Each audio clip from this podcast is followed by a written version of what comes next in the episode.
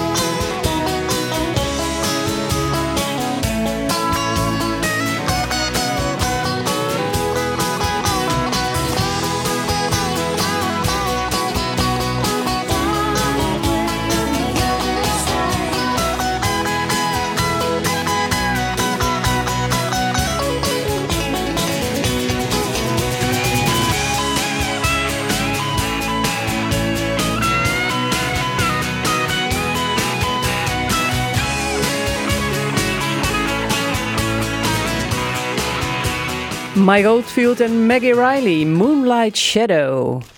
Chris natuurlijk. Lekker groen. Een vuilnisman die eigenlijk een engel is. Een ijsmaker die draait en draait en draait, maar nooit duizelig wordt. Iedere maand brengt schrijver Ernest van der Kwast in zijn talkshow Rotterdam Late Night een ode aan een stadsgenoot die niet bekend is bij het grote publiek, maar die wel een bijzonder verhaal te vertellen heeft. 31 van die verhalen zijn nu te lezen in het Boek der Boeken. Chris natuurlijk ontmoet Ernest van der Kwast onder de lijnbaan Plataan, Plataan in het centrum van de stad, samen met twee Rotterdammers uit het boek. En de schrijver stelt ze voor. Dit is uh, bomendokter Ronald Log, werkt voor de gemeente Rotterdam. Volgens mij heeft hij uh, alle bomen onder zijn hoede en controleert hij er zo 40, 50.000, uh, of eigenlijk brengt hij een bezoek per jaar. Eh, Alisa Troost eh, is boswachter. Eh, eigenlijk is er niet één bos waar ze, waar ze op, op let en doorwandelt, maar ziet ze alle bomen in de stad als haar bos. Dus ze krijgt nog wel eens een opmerking als ze hier in, we zien haar hier in haar prachtige groene, zachte outfit. En dan loopt ze mee door de stad en soms krijgt ze naar haar hoofd van, boswachter, wat doe je hier? en dan moet ze uitleggen dat, dat ook de bomen die, die gewoon op de straat staan, dat ze daar naar kijkt. Ik ben een dag met haar meegegaan, eh, zoals ik ook met Ronald eh, heb gewandeld. Dat waren prachtige dagen met deze twee. eh, oh, en dan, dan denk je wel als schrijver, nou, als ik nooit ooit nog een carrière switch eh, ga maken, dan wordt het of bomendokter of boswachter wel. eh. Maar Alisa, die heeft ook echt een carrière switch gemaakt, lees ik in het verhaal. Ja, want toen Ernest met mij meeging, was ik een blauwe maandag boswachter. Want ik kwam eh, bij de kinderboerderijen vandaan. Daar heb ik 30 jaar gewerkt. Ik was 50 en ik dacht van, nou, als ik nu weer voor de derde keer een nieuwe leidinggevende krijg en die gaan mij weer uitleggen hoe ik een koe moet melken, dat heb ik onderhand wel eens ge- gezien. Dus eh, Ja, en dat had je al gedaan, dat vroeger ook al, toch? dat klopt. Ik kom, eh, ben een boerendochter. En dan nu boswachter in de stenige stad. Ja, maar ik heb ook wel een hele leuke taak nog eh, als boswachter in deze stenige stad. Ik heb de Schotse Hooglanders, hertenkampen en de volières een beetje samen met mijn collega's onder beheer. En dat is ook geweldig. Daar ben ik bij Ernest ook bezig kijken. Bij de Schotse Hooglanders. Ja, en bij de volière. Ja, bij de volière met poepje op mijn schouder. en mijn eigen appeltjes uit de tuin en peertjes die ik meeneem voor de dieren. Ja, was een enorme leuke dag. Ja, en hoe was het voor jou om die ode dan te krijgen? Nou, ik zat daar in het theater en dan word je naar voren eh, geroepen. Of tenminste, je naam wordt eh, geroepen. Ja, ik kreeg er wel een beetje kippenvel van. Maar ik zat vooraan, dus ik zag niet wat er achter me gebeurde. Ik vond het heel mooi. Ronald, hoe was het voor jou om die ode te krijgen? Dat is een heel raar gevoel om, om een ode aan, je, aan, ja, aan de persoon, hè, en dan, dan de bomendokter in dit geval, te krijgen. Die word je verlegen van. Ernest, jij doet dit al jaren, hè? dus je hebt al heel veel Rotterdammers, daar heb je een ode aan eh, gebracht. Ik denk dat ik het nu zo'n 10 jaar doe. Eh, we zitten op, eh, op, op ongeveer 100 of ruim 100 odes eh, op dit moment. En het blijft iets heel moois om te doen. Om, om het verhaal van iemand uit Rotterdam, wat minder bekend is misschien dan de verhalen die we kennen. eh, van de bekende Rotterdammers. eh, of dat nou voetballers zijn of, of beleidsmakers of, of, of een burgemeester. Maar gewoon eigenlijk de gewone Rotterdammer. Die heeft ook fantastische verhalen in zich. En beleeft die stad op zijn of haar manier weer anders. eh. en dat is heel mooi om, om, eh, om dat onderzoek te doen. Om met iemand een dag op te trekken, soms zelfs twee dagen. Om hem te bevragen. En om te kijken of je daar met de instrumenten die je als schrijver hebt, dus je taal, om daar in je verbeelding soms ook wel. Het blijft non-fictie. Ik mag er niks bij verzinnen, maar ik mag wel iets van een laagje eroverheen. Kijk, ik probeer wel, probeer wel de mythe in de figuur te vinden. Dat kan bijvoorbeeld de, de, de tapijtenverkoper Nadra Andertje, die dan eh, een, tapijtenwinkel heeft op de Goudse Singel. En daar liggen die tapijten in vier of rechthoekige eilanden in de zaak. En ik zag haar die tapijten omslaan eh, om aan een, eh, aan een potentiële koper te tonen. En ik zag haar het boek der boeken openslaan. En dat soort dingen mag je dan wel doen als schrijver. En ik Ja, ben want wat ik wilde, ik wilde met mijn voeten op dat zachte schapenwol eh, lopen, want dat was speciaal schapenwol. Het echte Persische tapijt is, is van eh, de wol gemaakt van de nek van de schaap. Dus het allerzachtste wol voor het allersterkste tapijt, zoals Nadere zegt. Maar jij maakte dan een verhaal van, nou ja, dat kan zo in duizend en één nacht bijvoorbeeld. Het zijn soms sprookjes, inderdaad. Zeker dat van Nadere. Soms is het eh, bijvoorbeeld straatveger Nathalie Burgmans. Heb ik ook een ode aangebracht. Dat is wat harder. De, die, die, die vertelde mij dat je soms eh, een parkje schoon aan maken bent. Dus een team van zeven straatvegers. En dat achter je gewoon de blikjes weer worden opgeraapt. En ik vroeg haar van waarom doe je dit werk nog? En zij zei, nou, wij maken wel degelijk het verschil in de stad. We, mensen bedanken ons als wij één keer in de zoveel jaar veranderen zij ook van wijk. Dus gaan ze naar een andere wijk. En dan staan de taarten klaar voor dat team. Dan, dan, en ze ziet ook dat mensen meehelpen. Het zei van ja, je moet je niet zoveel focussen op de uitzondering of de, of, de, of de negatieve dingen. Ik weet niet of dat een sprookje is geworden, maar het is wel het verhaal van iemand die onverzettelijk is. En ja, dat is Rotterdam. Dat is echt de kracht. Een vrouw, een Nathalie. Ik werd een beetje verliefd op haar. Zoals ik op veel mensen aan wie ik ouders heb gewacht, een beetje verliefd. Of dat je, dat je hoopt dat je ooit nog wordt uitgenodigd op een verjaardag. Zou je ook verliefd kunnen worden op een boom, zoals Ronald dat is, op deze lijnbaan plataan? Ja, deze, kijk, ik, ik heb hier als jongetje. Toen zag het er iets anders uit. Er was altijd wel een soort, eh, soort randje met bankjes eromheen. Ik moest hier wachten op mijn moeder. Omdat mijn moeder boodschappen ging doen of winkelen. En eh, vroeger zat ik dan op de hoek, zat er een boekwinkel. En ge- werd ik daar gedumpt om strips eh, die we niet mochten kopen lezen. Tot ik uit die winkel werd gegooid. Maar deze boom, daar heb ik eh, uren en uren onder gezeten. En ik vind het fantastisch. Er zit er een, prachtig verhaal vast. Maar dat kan Ronald vast vertellen. Ja, nou ja, je ziet het, hè. Het is een schitterende boom. Uit 1851, eh, toen de tuin van het Koolsingels eh is aangelegd. En eh, nou ja, bombardement overleefd, de heropbouw, de lijnbaanplataan, of ja, hij heet niet voor niks de lijnbaanplataan. Ja, want als je op Google Earth kijkt, dan staat het er ook bij, hè? Lijnbaan, plataan. Ja, ja, ja, die naam heeft hij nu eenmaal gekregen. Dan weet iedereen dat het over deze boom gaat. Er staan natuurlijk nog veel malen meer bomen en bijzondere bomen in de stad. We pikken deze eruit omdat hij echt een verhaal heeft. En eh, nou ja, je ziet het zelf, krachtig, heel vitaal. Nou, ik zou willen dat ik op die leeftijd nog zo eh, eruit zou zien. eh. Misschien moeten we een stukje voor eh, laten lezen hè, door Ernest wel, van de uitvinder. Waarom heet hij eigenlijk uitvinder? Eh, ja, Ronald is niet alleen bomendokter, hij is ook uitvinder. Hij heeft, eh, hij heeft een machine omgebouwd die, die drollen opzuigt. En die heeft hij omgewerkt tot de mulchmachine. Eh, oh, oh, pardon. Oh, Nee, sorry. so- sorry Ernst, moet ik even ingrijpen. Oh nee, dat was voor de rupsen. Dat Voor was de voor de rupsen. rupsen, Nee, juist, hij heeft een ander. Nee, Ja. hij, hij heeft van, van bladeren. Dat is een andere machine. Hij heeft nog meer machines uitgevonden. De ene uitvinding naar de andere. Maar eigenlijk, kijk, als ze, als ze bomen de bladeren verliezen, eh, dat is natuurlijk voeding v- eh, voor de grond, eh, maar ook voor diertjes en zo. Maar soms is het zo'n dikke laag eh, bladeren dat het ook weer de ondergrond kan verstikken. En daar heeft hij een apparaat voor gemaakt. Ja, de mulchmachine. Nou ja, nu eh, afgelopen jaar zes in, een pilot door de aannemer ingezet. Die heeft het idee eigenlijk ja, van mij omarmd en die, die machine gebouwd. Ja, dat is natuurlijk hoe leuk is het als jouw idee op de markt komt en dat je ook ziet dat het buiten werkt. We hoeven geen blad meer af te voeren wat op gras ligt. Dat wordt in één werkgang wordt dat, eh, verpulverd tot hele kleine stukjes. Waardoor wormen het sneller de grond in kunnen krijgen. Nou, daar krijg je een vitalere grasmat van. En uiteindelijk ook een betere grond, omdat die wormen ook eh, verticaal de grond ingaan. eh voor die bomen. Hè, gaan er meer gangetjes ontstaan, er komt meer water in, er komt meer organische stof in. Ja, dat is alleen maar eh, win-win. Als ik nu naar deze boom kijk.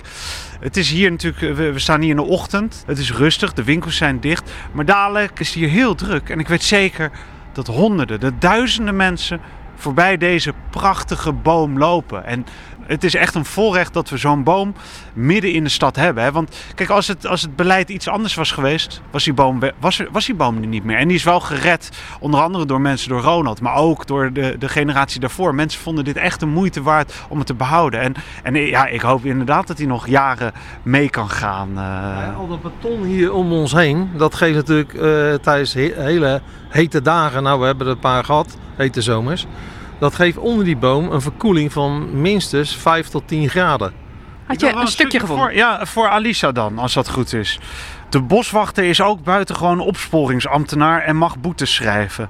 Dat heeft ze tot nu toe nog maar één keer gedaan. Bij een auto met beslagen ruiten die op het ruiterpad in het Kralingse bos stond geparkeerd. Copulatie hoort bij de natuur, vindt Alisa, maar het ruiterpad is voor paarden gereserveerd. Ze vraagt soms ook om visakten of spreekt mensen aan die aan het barbecue zijn in het park. Er wordt nooit agressief gereageerd, zegt ze. Boswachters hebben een hoge aaibaarheidsfactor. Dat komt door ons zachte groene uniform. Ja, en dat was ook het eerste wat Ernest eh, deed toen hij Alisa weer zag. Na een, eh, een tijd elkaar niet gezien te hebben. Even aaien over dat eh, zachte boswachterskostuum. Ja, dat was weer fijn om hem even te zien, ja. Ik herinner me dat nog, ik vond het heel mooi. En het is nog steeds zo. Ja, want je gaat eigenlijk even heel intensief met elkaar om, hè? Ja, nou, een hele dag in de auto samen. Ik, ik vond het geweldig, want ik wist niet dat, dat, eh, dat Rotterdam meerdere kuddes heeft. En dat zijn eh, kuddes eh, hooglanders, Schotse hooglanders, ja. En ik was wel een beetje bang eh, toen wij uit de auto stapten. Waar was het, het park? Eh, Hoog... Schiebroek. Schiebroek, ja. In Schiebroek. En, eh, maar gelukkig, Alisa, die, die kwam een stier op ons af. En Alisa die sprong voor de schrijver met haar zachte groene uniform. En ik dacht, ze gaat die stier even, gaat ze mee praten of iets. Maar zij, ze gaf gewoon een, een, een, een, een tik of, een, of- even met de, met de schoen tegen de snuit. Want ze zei wel van ja, het zijn al die mensen hier die die bezig gaan voederen. Waardoor ze heel mak worden. En dat ze, ja, dan zien ze de schrijver en denken ze ja, dat is eten. Maar ik, ik zag die twee horens. En zij zei van ja, je moet wel laten zien wie de baas is. En die stier die eh taaide ook meteen af. Hij schrok zich eh, rot, ja. Maar we hebben nu een eh, vierde koppeltje erbij op het eiland van Brienenoord. En daar is echt aan de hand dat mensen ze voeren en aaien. En dan zie je, dan komen ze op je af. En dat vindt niet iedereen even leuk. Hoe is het om dit werk te doen als enige vrouwelijke boswachter van Rotterdam? Ja, heerlijk. Maar dat ik de enigste vrouw ben, merk ik niks van hoor. Ik ben gewoon one of the guys, zeg maar. En eh, ik heb daar geen last van, maar ik vind het een heerlijke baan. Wat ik zelf eh, ook heel mooi vond uit het verhaal van Ronald. Want ik zie hier dus eh, bijvoorbeeld van die eh, feestverlichting nog omzitten om de boom. En eh, ja, er stond er in het verhaal van Ernest van ja, dat jij daar ook op let. Oh ja, ja, vanochtend liep ik al vroeg hier in de stad voordat we elkaar ontmoeten, Chris. En eh, nou ja, ik kijk natuurlijk altijd naar bomen. Mijn vrouw wordt er gek van. Maar Je zou naar andere vrouwen kijken. nee, ja, het, eh, eigenlijk is een boom non- ja, bijna mooier dan een vrouw, eh Ernest. Dus, eh, informatie. Dit is ja, ja. Nee, maar waar ik, waar ik ook kom, hè, kijk, kijk je naar bomen. Welke stad je komt. En, en nu vanochtend liep ik bij het eh, Centraal Station. En er zijn dan twee eh, fietskettingen, die zijn eh, vergeten. Die fiets is misschien verloren geraakt of die mensen die, die wonen niet meer in Rotterdam. Maar die ketting zit nog steeds in die stam en die was al deels ingegroeid. Nou, daar maak ik gelijk een melding van om te zorgen dat natuurlijk die sapstroom goed blijft lopen. Eh, die boom zou misschien wel kunnen overgroeien, maar daar heb je heel veel moeite mee. Dus we gaan die kettingen dan verwijderen. Eh, dat, dat is, ja, daar let je de hele dag op. Hè. Wat, gaat het goed met die bomen? Kan ik ze nog eh, beter eh, maken? Totdat je soms een hamerslag moet geven, hè? want dat Ja. staat ook in het boek. Ja, nou ja, dat, dat, is- dat is zeker. En dat is soms eh, ja, best wel eh, zuur als je dat moet doen. Omdat het, nou, die bomen zijn ouder dan jij. En dan moet je dat, die beslissing nemen. Dus ja, dat, dat is wel eens lastig. Ja. Even later staan we voor een stokoude acacia. Ronald vertelt dat de boom niet lang meer heeft, maar dat hij doet wat hij kan. Dode takken verwijderen, andere takken innemen, zegt hij terwijl zijn hand rust op de bast van de boom. De hamer blijft op zak. Ik kan de acacia niet redden, maar wel voor hem zorgen in zijn laatste levensfase. De dokter begeleidt ook bomen naar hun einde. Het boek der boeken van Ernest van der Kwast is uitgegeven bij de Meent. Kost in de winkel 17,99 euro. Wij gaan de diepte in met S10. Ken je het gevoel dat, dat je droom niet uitkomt? Ben je wel eens bang dat het altijd zo blijft? Want het regent alle dagen en ik zie geen hand volgen. Jij en ik toch samen, dat zou altijd zo zijn.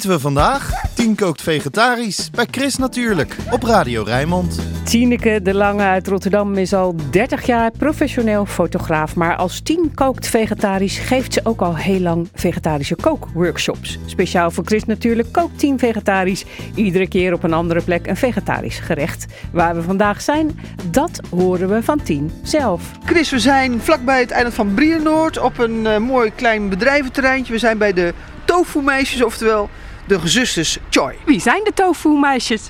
Nou, dat is mijn zus, Chinzy. En ik ben het jongere zusje, Janet. Maar wat is tofu? Tofu is een eh, soort sojakaas van sojabonen. Daar eh, wordt eh, de sap uitgehaald en daar wordt tofu van gemaakt. Net als eh, de kaas, daar wordt, eh, van, dat is dan koemelk. En de tofu wordt van sojabonen en daar de sap van. Ja, en dat gebeurt hier. En wat moeten jullie daar allemaal voor doen? Vertel eens.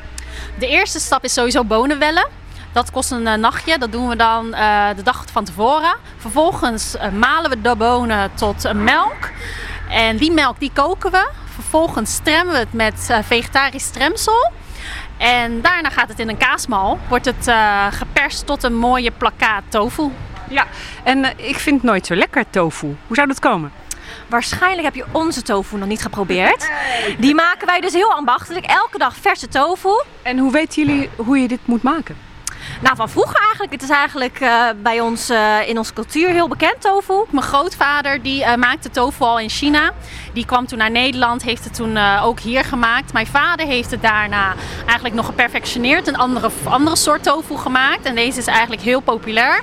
En eh, hierop hebben wij dan weer eh, on- eh, een, nog een betere versie gemaakt. En deze maken we nog steeds. Ja, en Tien, jij zegt, ik heb wel wat gehoord over de tofu-meisjes. Ik, ik zag ze natuurlijk bezig elke dag, omdat ik de Beb, trouwtuin met de Beb, die niet mee wilde naar de tofu-meisjes. De, de hond, hè? Die hond, altijd ja. gaat wandelen in, op het eiland. Maar ja, nu eh, kon die niet mee. Nee, was niet geïnteresseerd in tofu. Dus ik denk, nou, dat is, eh, dat is helemaal niks van een hond. Maar wij zagen jullie wel. Dus eh, ik, en ik zag het eh, logootje, dus toen ben ik gaan zoeken.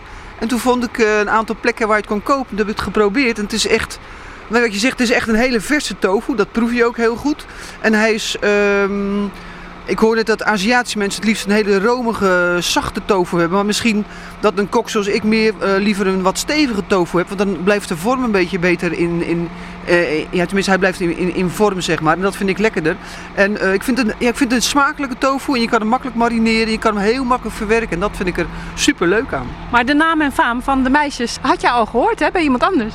Ja, ik heb afgelopen december op de Kaap gekookt met meneer Choi ook. En die had een groot restaurant Hoek, Kruiskade, Westersingel. Maar die hebben dus dezelfde achternaam. Die hebben dezelfde achternaam. En die zei, ja, ja, die ken- meisjes die ken ik, want ik ken hun vader.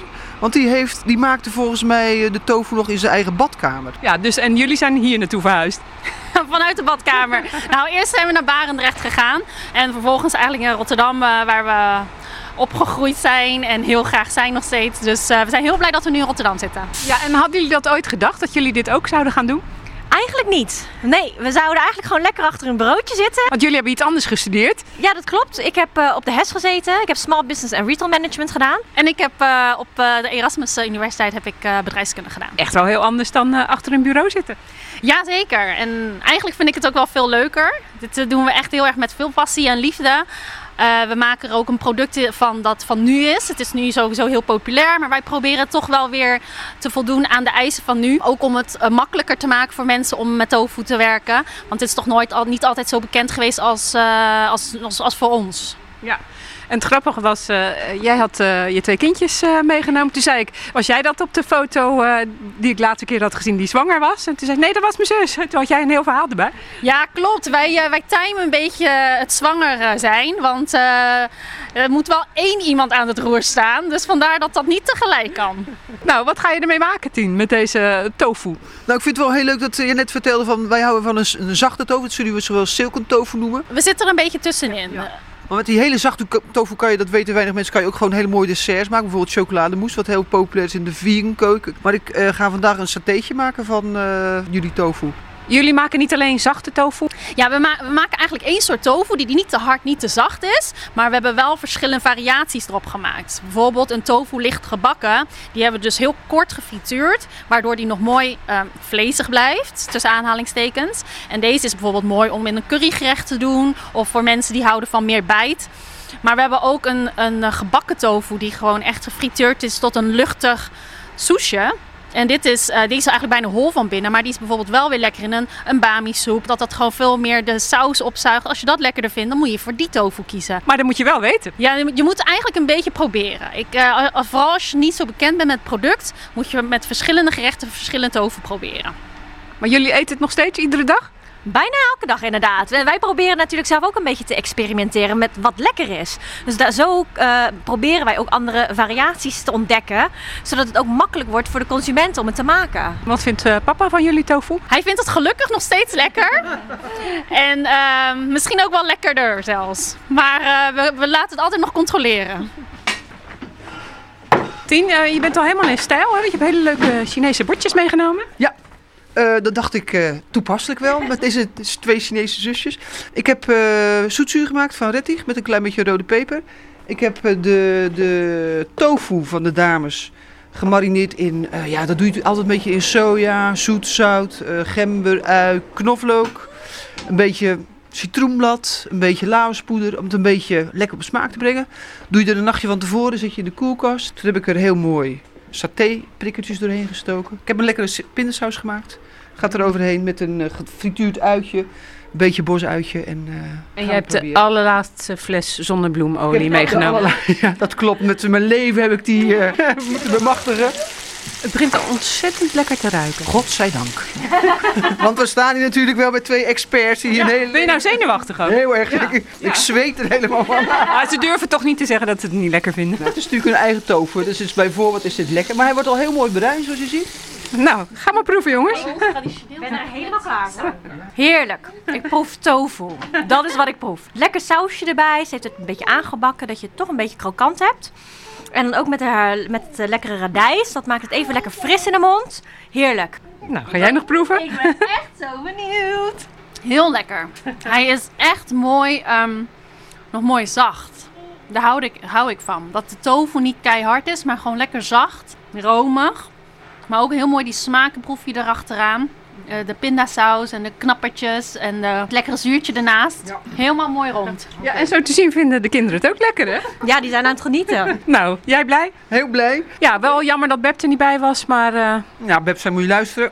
Het worden steeds vreemdere producten voor een hond, dus naar tofu ga ik niet mee. ja, dan kan hij dus ook niet wandelen op het eiland van Brienenoord. Nee, dus een, eh, dat is de consequentie ervan. Doen mensen dat eh, trouwens vaak, dat ze even hier langskomen en dan een wandelingetje maken op het eiland? Jazeker. Ze komen na de wandeling even verse tofu halen. Dat is toch de normaalste zaak van de wereld?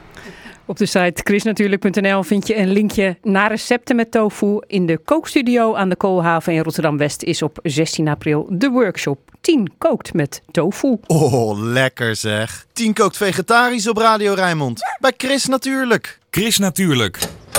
De weekendbijlage. Wat staat er in de weekendkranten over groen, natuur en milieu? Je hoort het in het overzicht dat ik lees met Martin van der Boogaard. Goedemorgen Martin, jij gaat beginnen. Ja, goedemorgen Chris. Ja, in het, eh, in het paasweekend ga ik er naartoe met eh, vrienden. Er is eh, steeds meer te beleven op het prachtige natuureiland 10 gemeten in het, eh, in het Haringvliet.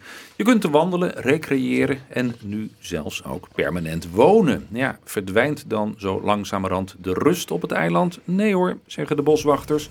Er kunnen zelfs nog wel bezoekers bij. En je leest erover in het AD Rotterdam. Ja, moet je niet in het paasweekend gaan, want dan is Martin er, Martin er en dan is het heel druk. Dan gaan we niet permanent wonen. Een ijsbeer doodde een kampeerder en werd daarna zelf gedood. In het magazine van de Volkskrant krijg je een voorproefje van het nieuwe boek van schrijver Frank Westerman, die naar Spitsbergen gaat en slaapt op de camping waar een jaar eerder een Nederlander werd gedood door een ijsbeer. Ja, hangen niet voor niks in Blijdorp van die bordjes. Levensgevaarlijke dieren. Ja.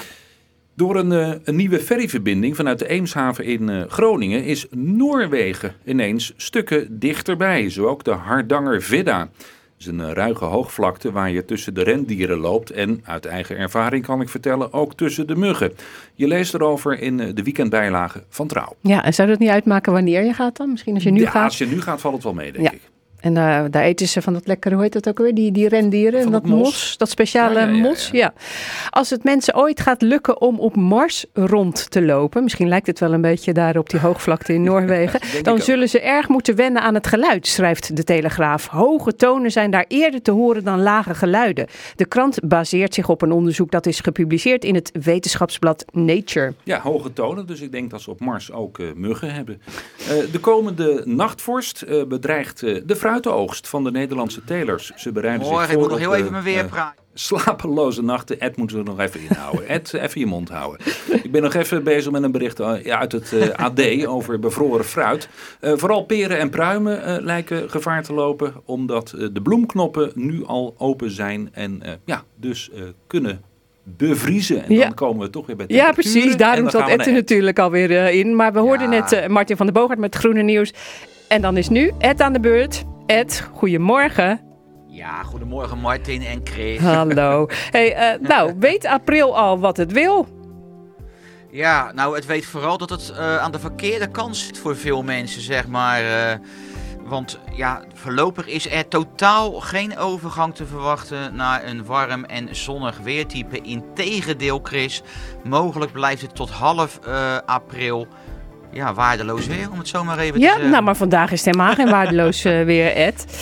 Nee, maar vandaag is echt een uitzondering, want vandaag hebben we de meeste zon voor de komende week. Dus eh, vandaag is echt een uitzondering. De temperaturen liggen op dit moment eh, ja, net bij het vriespunt in het oosten van de regio.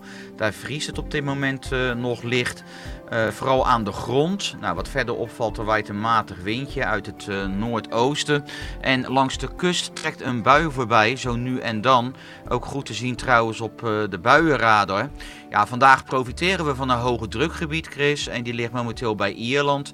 Nou, die is ons wel goed gezind. We zitten ook aan de goede kant van het land. Ja, eigenlijk wonen we hier altijd goed natuurlijk. En vandaag zijn er dan ook perioden met zon. Aan zee eerst nog kans op een bui.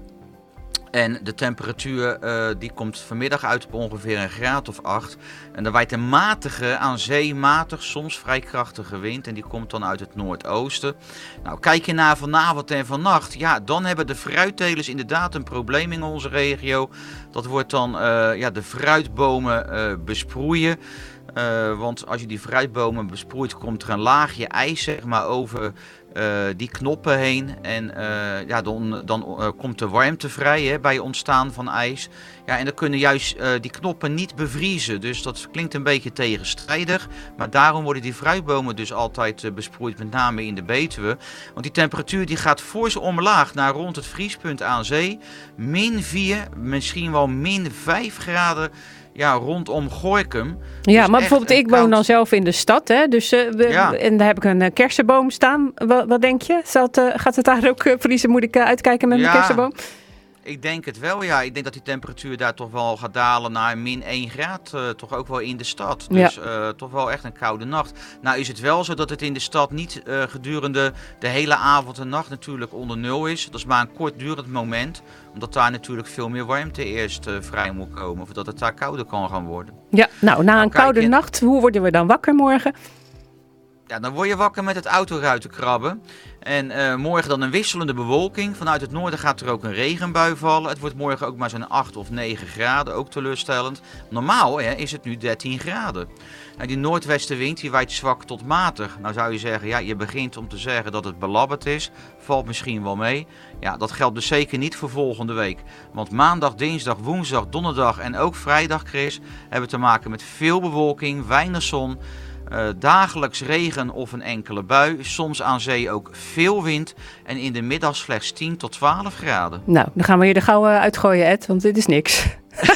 En fijn Eh, het weekend, klinkt hè? een beetje als herfst, hè, toch? Ja, precies. Nou, maar geniet van vandaag, want dan wordt het echt nog mooi. Ja. Hoi, hoi. En voor jou ook. Geniet Hoi, ervan. Hoi. dag. Luisteren allemaal naar Chris. Kom daar toch. Chris, natuurlijk.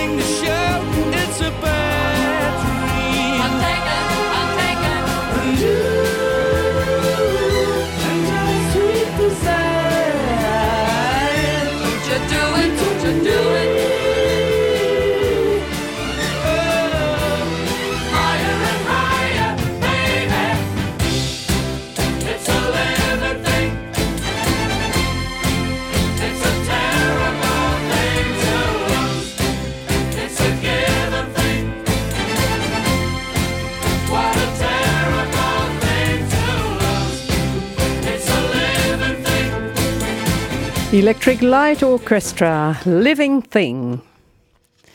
Plant van de maand. Melita van Bracht, botanicus bij de Botanische Tuin Afrikaanderwijk in Rotterdam-Zuid, die heeft bij iedere plant uit de tuin wel een verhaal. Welke plant heeft zij uitgekozen voor de maand april? Chris, we zijn vlakbij het einde van... Nou, eh, we staan eh, nu bij de Alruin, oftewel de Mandragora officinarum. En waar staat dat voor, officinarum? Nou, vroeger eh, was dat altijd gelijk eh, een teken, eh, dan kan je iets met die plant. En in dit geval eh, is het een plant waar heel veel giftige stoffen in zitten. Ik, ik weet niet of je iets van heksen weet, Chris. Nou ja, ik ken hem uit eh, Harry Potter, die, eh, die plant. Hè. Misschien moeten we daar een stukje van laten horen.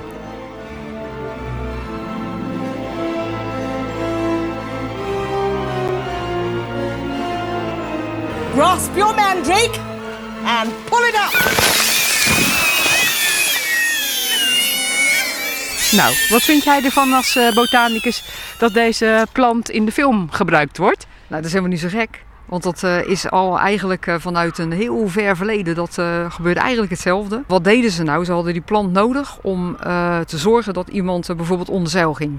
Tijdens hè, dat je een narcose nodig had. Toen waren ze bezig met papaver, die slaapbol, bilzenkruid en die mandragora. Daar maakten ze een, een soort papje van. En dat smeerden ze op van die zeesponsen. Dat werd dan gedroogd. En als het dan nodig was, dan kreeg je zo'n zeespons in je neus gepropt. en dan eh, ging je onder zeil. En dat was heel, het luisterde heel nauw, want het gebeurde ook wel eens. Dan werd iemand nooit meer wakker. Maar in die Harry Potter film gaat die plant ook gillen als ze hem dan verpotten. En ook dat heb je de oude verhalen. Dan zijn er mannen. Die gaan het bos in, die doen bijenwas in, eh, in de oren. Als de mensen de film hebben gezien van Harry Potter, dan ziet de wortel eruit als een soort klein mensje. Wel een lelijk mensje, maar goed, het lijkt wel op een klein mensje. En die gaat dan eh, vreselijk gillen omdat het een, een, eruit zag als een klein mensje. En vroeger, dat noemden ze de signatuurleer. Als iets eruit zag als iets, dan had het daar ook ongetwijfeld, was het daar goed voor of je kon er iets mee.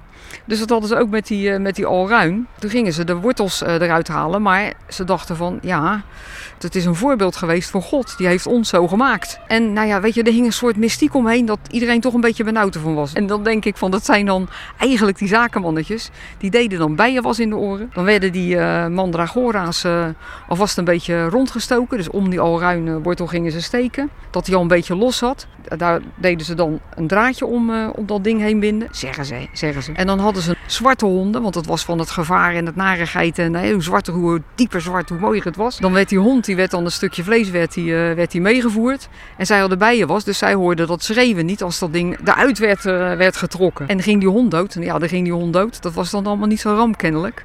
Maar ik denk dat ze dat eigenlijk gezegd hebben. Want ja, luister, als iedereen die mandragora kan plukken, dan verdien je er natuurlijk geen reet aan. Dus ik denk dat het gewoon een soort, eh, nou ja, hele slimme zakenman is geweest. Maar zelfs echt een hele dichterlijke man die heeft eh, deze plant gebruikt in zijn geschriften. Dat klopt, dat was eh, William Shakespeare. En in het verhaal daarvan, van eh, Romeo en, Julia, dan op een gegeven moment neemt Julia een drankje om schijndood te, te zijn. Alleen is ze als de dood, dat, hoe heet dat, in dat rijk komt van al die geesten. En eh, dan zeggen ze van die schreeuwen net zo als je die plant eh, uit de grond trekt. Dus er zit toch wel iets in heel de tijd dat het alsmaar dat verhaal blijft rondzingen. Dat als je die plant eruit haalt. Ik doe het ook niet hoor. Durf jij het nog? En deze plant die hoort tot welke plantensoorten? De nachtschadefamilie. Dus dat is bijvoorbeeld ook eh, bitterzoet. Dat is ook zo'n zo'n plant die heel erg giftig is. Of een tomaat. Ja, maar en tomaat is het blad toch ook giftig? Dat is ook giftig, ja, klopt. Moet je ook niet in je mond steken. Nou, en deze dus ook niet. Nee, dat zou ik niet doen. Hij is altijd heel vroeg in het voorjaar eh, dat hij al eh, met, die, eh, met de bladeren boven komt.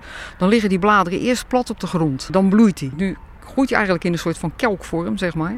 Met al dat blad. Het is nog wel steeds een rozet, maar ze gaan de lucht in. En dan gaat hij nu nog zorgen dat hij heel veel zonlicht krijgt. Nou, halverwege de zomer dan zie je hem steeds meer verschrompelen, verschrompelen. En waar de bloemen hebben gezeten, dan komen dan hele grote tomaatachtige vruchten. En die, eh, die vind je dan na de hand op de grond en daar zitten dan de zaden in. En kan je die eten? Ik zou het niet doen, want de hele plant is giftig. Ja, dus niet alleen de wortels, maar alles. Alles is giftig, dus ik zou er niet, eh, niet aan beginnen. Maar je weet hè, we hebben hier ook wel eens de Rotterdamse heksen in de tuin gehad. En die waren er helemaal wild van. Dus misschien komen ze hier s'nachts wel op die bezems. Ik weet het niet, om dat ding nog steeds eh, te oogsten. Melita van Bracht van de Botanische Tuin Afrikaanderwijk in Rotterdam-Zuid over de Mandragora officinarum. En straks na de muziek gaat het over hele bijzondere dieren die zich voort konden bewegen met hun neus. Look at all the lonely people.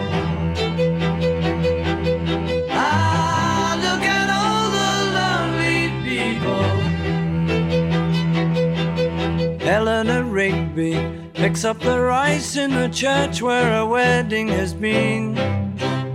Lives in a dream, waits at the window, wearing the face that she keeps in a jar by the door. Who is it for? All the lonely people. Where do they all come from? All the lonely people. Where do they all belong? Father Mackenzie, writing the words of a sermon that no one will hear. No one comes near. Look at him working, darning his socks in the night when there's nobody there. What does he care? All the lonely people. Where do they all come from? All the lonely people. Where do they all belong? Ah, look at all the lonely people. Ah, look at all the lonely people. Eleanor Rigby died in the church and was buried along with her name. Nobody came, Father Mackenzie, wiping the dirt from his hands as he walks from the grave.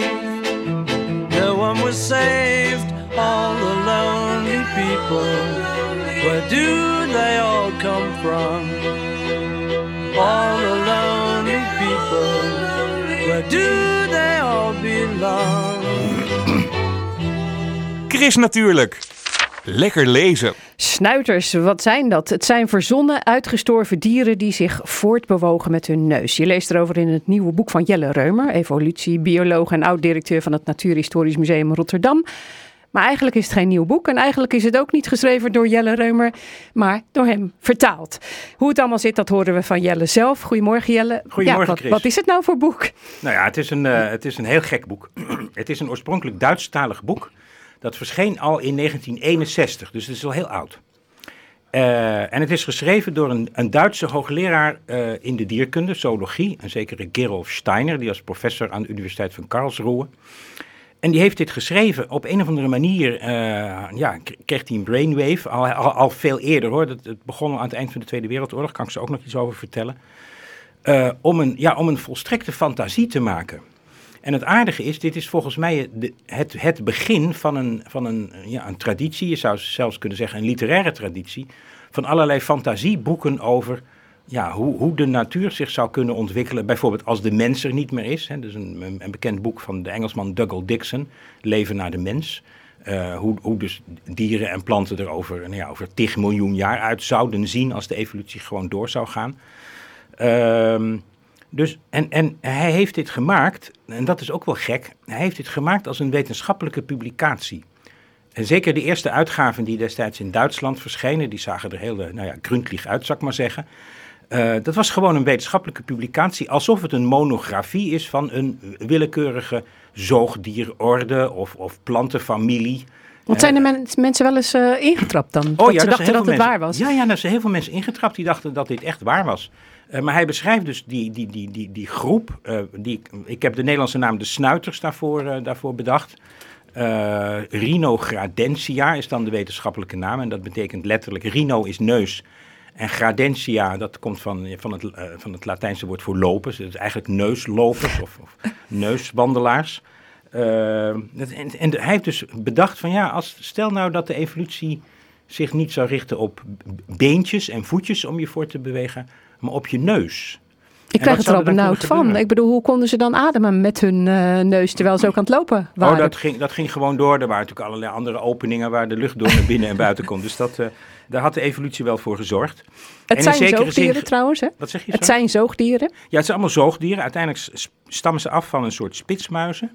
Maar kijk, als je bijvoorbeeld naar de olifant kijkt, die heeft ook een neus die niet meer helemaal normaal is. Hè? Die, die, die slurf, daar kan hij ook van alles mee. Daar kan hij water mee drinken en hij kan, er- hij kan er eh, b- boomstammen mee verplaatsen. En het ademhalen gaat even goed gewoon door. Dus eh, wat dat betreft zou de olifant een beetje een soort inspiratie geweest kunnen zijn. Maar ja, waarom gebruikten die snuiters eh, dan hun snuit om zich voort te bewegen? Ja, dat zou je dus aan de snuiters zelf moeten vragen. Oh, ja, maar dat zou je toch kunnen zeggen dat dat niet misschien iets eh, van de evolutie eh, was van, nou ja, het was handiger om die snuit te gebruiken. Ja, kijk, de evolutie doet hele gekke dingen. Hè? Eh, Als, je, als we gewoon ons even tot de zoogdieren beperken. Die hebben in principe allemaal een vacht die bestaat uit haartjes. Hè? Iedereen kent dat van de hond en de kat. Maar die haartjes, daar kan ook van alles mee gebeuren. Die kunnen bijvoorbeeld in de loop van de evolutie stekels worden, zoals bij egels of stekelvarkens. Die kunnen eh, o- ook eh, de neushoorn, de hoorn van de neushoorn is eigenlijk ook gewoon een pluk haar. Dus in principe kan de evolutie hele gekke dingen doen. Ja, maar ik dacht altijd dat, dat de evolutie dat dan ook deed, omdat er een voordeel eh, van eh, was. Ja, nou ja, kijk, Ja. en bij deze diergroep is er dus een voordeel van. Die zijn zich op hun neus gaan voortbewegen. En die neus is, en, maar dus niet alleen voortbewegen, hoor. Dus de neus is ook allerlei andere dingen gaan doen. Ze kunnen bijvoorbeeld met, sommige soorten kunnen met hun neus ook insecten vangen. Sommige soorten evolueren hun neus tot een soort gekleurde flapjes, waarmee ze op een bloem lijken. Die beestjes. En die zitten dan heel stil in de planten met die gekleurde flapjes. en, ehm, en, en daar komen dan insecten op af. En als die dus op die neusflapjes zitten, dan worden ze ineens eh, worden ze opgegeten. Dus die neus die doet niet alleen voor de voortbeweging, wel bij heel veel soorten wel. Maar eh, die kan ook allerlei andere dingen doen. Dus Ja. de, de, de neus is het ja, soort, soort epicentrum van allerlei gekke evolutionaire veranderingen. Ja, want, want de eerste, want er, er waren heel veel ondersoorten van die snuiters. En bijvoorbeeld een van de eerste, die oersnuiter, die kon ook nog niet eens eh, zich voortbewegen met zijn eh, neus. Nee, die kon alleen op zijn neus gaan staan. Maar had wel een platte neus. Hij had een platte neus en dan kon hij zich, dus hij, hij klapte zichzelf om en stond dan op zijn neus. En vervolgens gaat de evolutie verder, want je had dus ook beesten die gebruikten die neus als een soort kruipzool, net als, net als wijngaardslakken bijvoorbeeld doen, of, of, of naaktslakken in de tuin. Eh, die kruipen op hun zool. Dus je had ook snuiters die gebruikten die neus als een kruipzool om op voor te kruipen. En als je het boek leest, dan word je eigenlijk wel een beetje verliefd op die snuiters. Hè? Had jij een favoriete snuiter? Ja, ik- ja, eigenlijk, eigenlijk allemaal. Dat klinkt een beetje, een beetje gek natuurlijk, alsof je niet kan kiezen. Wat ik zelf een hele leuke vind, dat, zijn, eh, dat is het vliegoor. En die kon hun- ook vliegen. Ja, die kon ook vliegen. Ja. Die hebben hun oren ontwikkeld tot, eh, tot vleugels. Ehm, en hun, hun snuit gebruikten ze als landingsgestel. ja, die waren ook heel leuk. Ja, en dan heb je bijvoorbeeld de snotterende snotneus. Dat lijkt wel een beetje op een titel van een boek eh, uit Suske en Wiske. Ja, inderdaad. Ja. ja, die gebruikten hun neus. Dat waren gekke beesten. Die zaten dan op takjes eh, boven, boven het water. En die lieten slijmdraden uit hun neus naar, naar, naar beneden zakken. Nou ja, bijna zoals peuters ook van die enorme slijmdraden kunnen ontwikkelen. Eh, en die slijmdraden die hingen dan in het water en daar, kon, daar bleven dan beestjes aan, eh, aan vastkleven. Dus eh, watervlooien of dat soort dingen wat in het water eh, rondzwom. En dan slurpte die zo die hele slijmsliert weer naar binnen en dan kon die die beestjes opeten. En eh, wat was de slimste? De slimste snuiter? De slimste, dat zijn heel heeg, hoog geëvalueerde snuiters.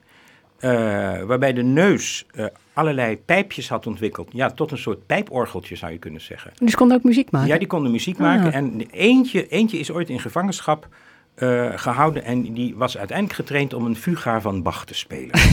op zijn neus. Helaas zijn de snuiters uitgestorven. Hoe kwam dat? Nou, ze leefden op een, op een, eh, een eilandengroep, een archipel in de Stille Oceaan. En die is eh, helemaal onder de golven van de zee verdwenen na een mislukte kernproef. 200 kilometer verderop. En die kernproef die veroorzaakte allerlei ja, aardbevingen en tektonische toestanden.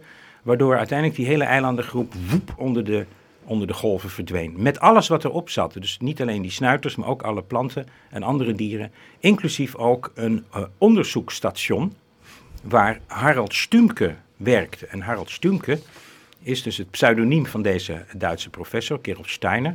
Dus het boek is eigenlijk geschreven door Harald Stumke, dat staat ook op de omslag. Eh, en Harald Stumke die werkte in dat instituut op een van die eilandjes.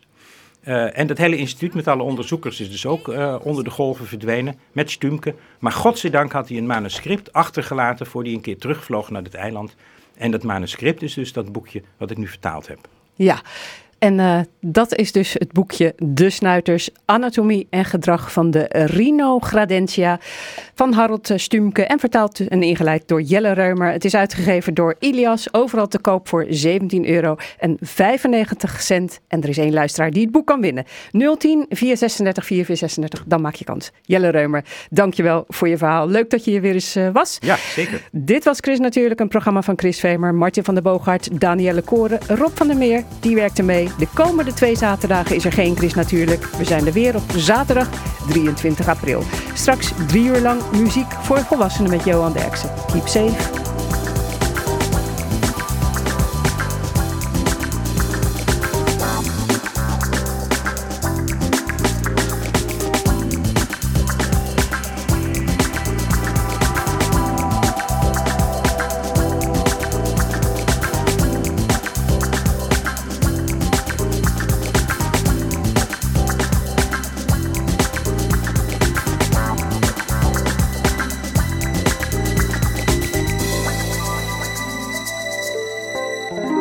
Natuurlijk. Kijk ook op chrisnatuurlijk.nl